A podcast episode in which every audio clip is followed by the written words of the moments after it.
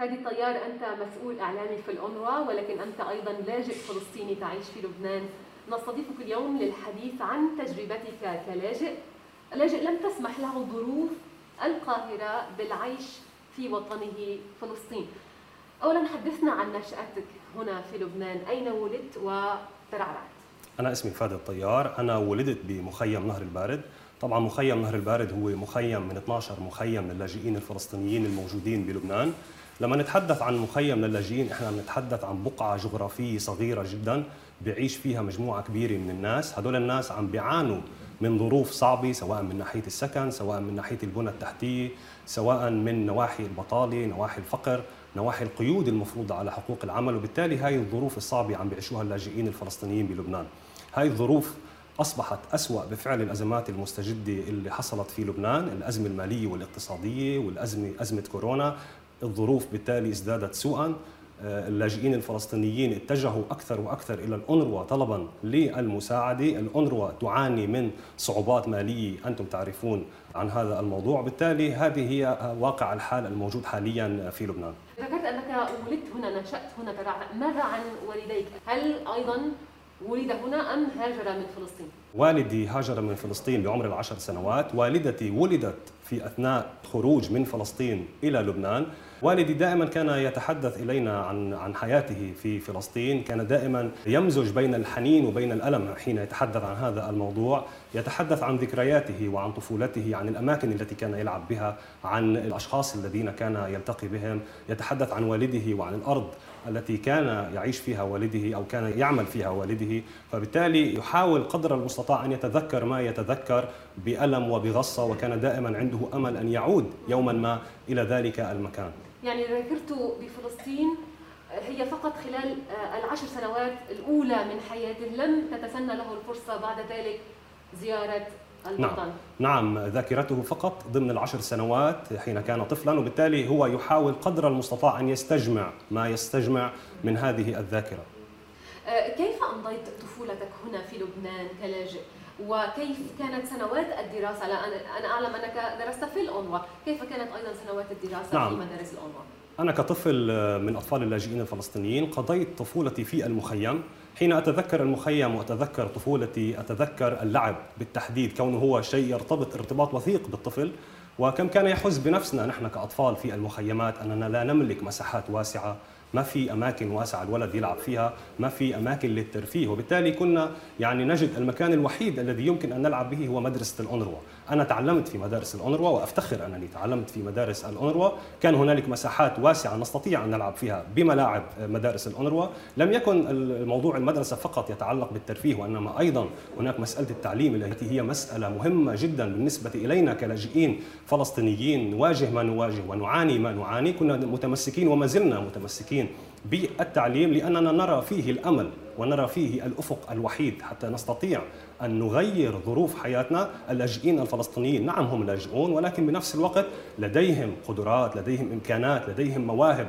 وبالتالي التعليم هو الوسيلة الوحيدة التي يمكن لهذا اللاجئ أن يلجأ إليها من أجل أن يغير من ظروف حياته. تعقيبا على الذي ذكرت أن اللاجئين الفلسطينيين لديهم القدرة وهذا الشغف بالمثابرة. هناك مؤخرا شاب فلسطيني من غزة اتجه إلى الناسا هو من بين التلاميذ صحيح. الذين تعلموا في مدارس الأونروا صحيح. ووصل إلى مرتبة جميلة جدا من العلم. زفينة. طبعا حين حين نسمع عن أطفال فلسطينيين أو شباب فلسطينيين تمكنوا من بلوغ مراحل قيادية مهمة أو أماكن مهمة في في مختلف أنحاء العالم. رغم كل الظروف هذا يشعرنا بالفخر تماما ويحفزنا أكثر أن نعمل ونثابر من أجل أن نحقق نحن أيضا ما نستطيع أن نحققه في ظل كل هذه الظروف الصعبة والقاتمة التي نواجهها. نحن لن نفقد الأمل رغم كل الظروف لن نفقد الأمل لأنه الشيء الوحيد الذي يمكن أن نتمسك به بكل ظل هذه الظروف الصعبة. علمت أنك كنت من سكان نهر البارد ثم تهجرت. نعم. يعني أنت اولا لاجئ في لبنان صحيح. واختبرت أيضا يعني اللجوء مرة أخرى. نعم. حدثنا عن ذلك. أنا من سكان مخيم نهر البارد. بعام 2007 حصلت حرب في مخيم نهر البارد. نزح بسبب هذه الحرب سكان مخيم نهر البارد. كان ذلك يعني وقع صعب على الجميع وأنا واحد من هذا من هذا المجتمع الذي واجه هذه المشكلة.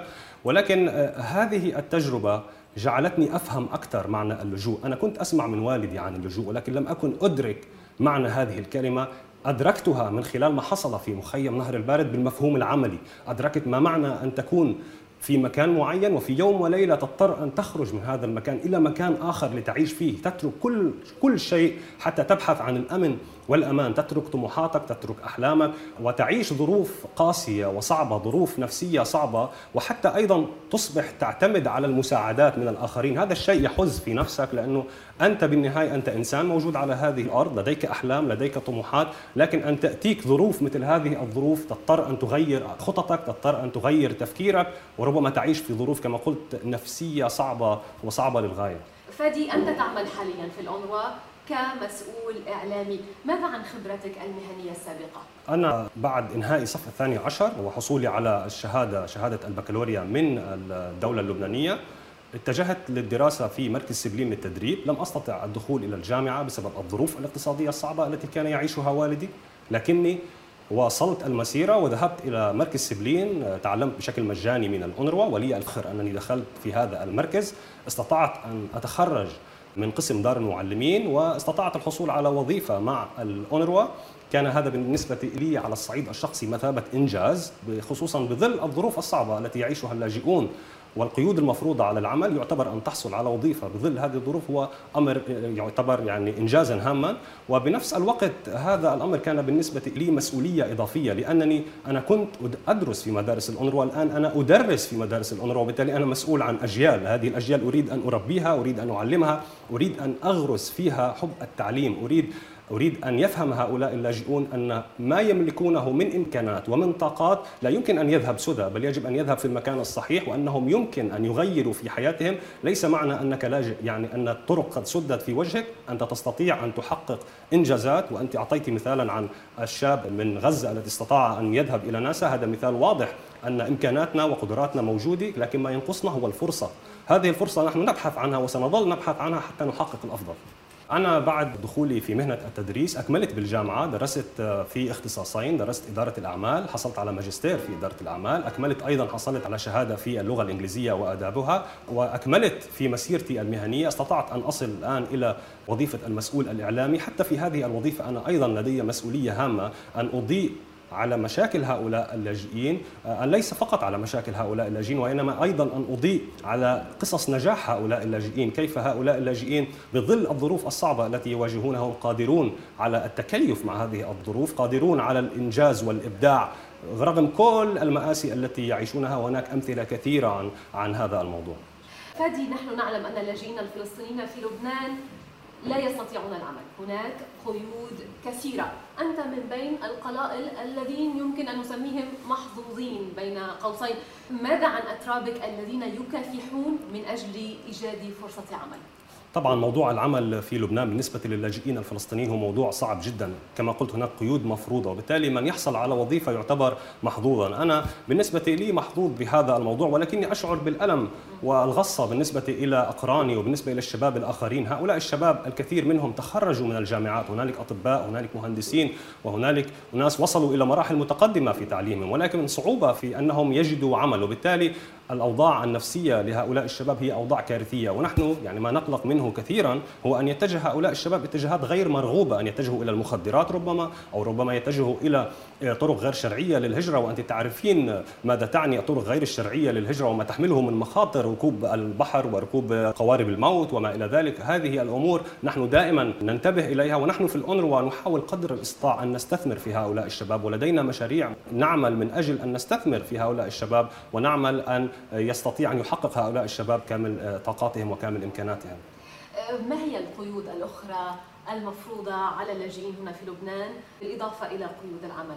يعني هو أهم قيد هو قيد العمل. هناك أيضا موضوع التملك. اللاجئ الفلسطيني لا يستطيع أن يتملك في لبنان. هؤلاء هما من أهم القيود التي يعاني منها اللاجئون الفلسطينيون. واللاجئون الفلسطينيون في لبنان يرغبون أن يعملون حتى يكونوا منتجين ولا يكونوا يعتمدون على الآخرين. هم يريدوا أن ينتجوا بأنفسهم يريدوا أن يساهموا في اقتصاد هذا البلد ويدعموا اقتصاد هذا البلد. سأختم مع زيارة الأمين العام. برأيك ما هي أهمية زيارة أمين عام الأمم المتحدة إلى مدرسة أونروا في لبنان نعم. ولقائه بلاجئين شباب صغار من البرلمانيين. ما هي وقع هذه نعم أنا بالنسبة لي هذه الزيارة هي زيارة هامة ومهمة جدا في هذا الوقت بالتحديد في ظل الظروف التي نعيشها. دائما اللاجئ الفلسطيني لديه مخاوف أن يكون منسي أن يكون مهمش. فهذه الزيارة من قبل رأس هذه المنظمة الدولية يعتبر بمثابة اعتراف صريح أن هذا اللاجئ لا زال موجود. أن هذا اللاجئ لا زال الأمم المتحدة تنظر إليه أن مشكلته لا زالت موجودة وبالتالي يجب أن نعمل جميعا على إيجاد حل لهذه المشكلة. مجيئه إلى هذه المدرسة وحضوره واجتماعه مع الطلاب هو رسالة هامة أيضا بنفس هذا الموضوع. ولا شك أن الأشخاص الذين سيلتقون به سيكون هذا بمثابة فرصة لهم حتى يعبروا عن ما يشعرون به حتى يعبروا عن مشاكلهم عن همومهم إلى رأس هذه المنظمة الدولية. هذه فرصة هامة جدا بالنسبة لهم ولا شك أنها أيضا فرصة هامة بالنسبة للأمين العام حتى يستمع على الأرض ويستمع مباشرة من هؤلاء الأطفال أو من هذه العائلات عن الهموم والمشاكل التي تواجههم حتى تكتمل الصورة الموجودة في رأسه. أكيد هو يعرف كل هذه الأمور ولكن حين تنزل إلى الأرض الصورة تصبح ربما يعني تكتمل بشكل أفضل وتأخذ فكرة أفضل عن الواقع الموجود على على الأرض. فادي طيار شكرا جزيلا على كل هذه المعلومات. آه، بالفعل كل التوفيق لك ولتلاميذك السابقين والحاليين وفي عملك بالأونروا نتمنى الخير لجميع الفلسطينيين. شكرا. شكرا لك.